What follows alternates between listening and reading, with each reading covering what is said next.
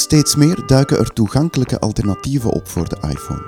Bij de firma Integra bijvoorbeeld zijn twee Android-toestellen te bezichtigen die onder andere uitblinken in bedieningscomfort. Ivo vertelt er meer over. Enerzijds de Smart Vision met een volledig toetsenbordje zoals we dat vroeger kennen van de goede oude Nokia's. Uh, ik laat die even horen. Apparaat ontgrendeld. 14 uur 12, vrijdag toepassingen. Contacten. Telefoon. Berichten. Smart Ja. Vision, is dat een, een merk Ja. speciaal ontwikkeld voor blinden Absoluut. en slechtzienden? De Smart Vision is van de firma Capsys. En zij waren erg gekend. Vroeger de eerste GPS voor blinden, de Captain, is van hun. Ja. En dan zijn zij eigenlijk gestart met de eerste eh, smartphone voor blinden, Smart Vision 1. En nu zitten we in een nieuwe generatie, de Smart Vision 2, gebaseerd op Android, maar met een heel eenvoudige overlay en volledig bedienbaar met eh, toetsjes. Wel de volledige functionaliteit van een smartphone of toch echt een beetje vereenvoudigd? Goeie vraag. Ehm, de basismenu waar je in komt is eigenlijk een vereenvoudigde eh, versie. Slechts zes opties in het hoofdmenu.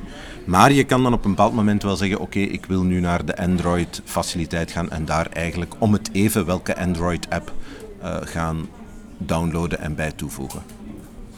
Daarnaast hebben we de Blind Shell. De Blind Shell is een Tsjechisch ontwerp. Ook weer gebaseerd op Android, nog eenvoudiger. Volledig touchscreen, dus het lijkt op een iPhone. Dus een aantal mensen zonder zicht of met weinig zicht gaan zoiets hebben van oei, dat is even complex als een Android of een iPhone. Nee, je kan gans de smartphone bedienen met slechts vier bewegingen. Kort tikken, ga je door je menu verder en verder. Met één vinger langer aantikken ga je in dat menu. En met twee vingers langer aantikken keer je een niveau terug.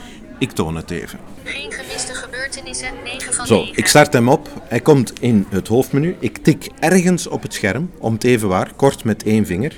Oproepen 1 van 9. Berichten 2 van 9.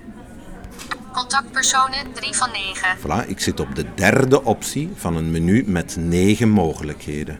Andere programma's 4 van 9. Andere programma's, als we dit zouden gaan bevestigen, dan komen we in een iets gevorderd stadium. Daar kan je naar e-mail gaan, kan je naar Facebook gaan, kan je naar WhatsApp gaan. Die Facebook en die WhatsApp, die zijn op zich vereenvoudigd, waardoor het echt voor elke blinde mogelijk wordt om die toepassingen, die zogekende toepassingen te gaan gebruiken. En die bevestig je dus door een andere beweging. Die bevestig je door iets langer te duwen. Ook weer om het even waar. Dus heel eenvoudig. Ik ga bijvoorbeeld Contactpersonen 3 van naar 9. contactpersonen. Ik duw nu een half secondje op het scherm in plaats van een fractie van een seconde.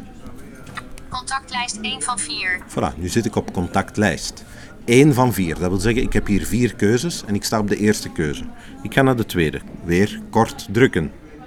Nieuw contact toevoegen 2 van 4. Hier kan ik een nieuw contact gaan toevoegen.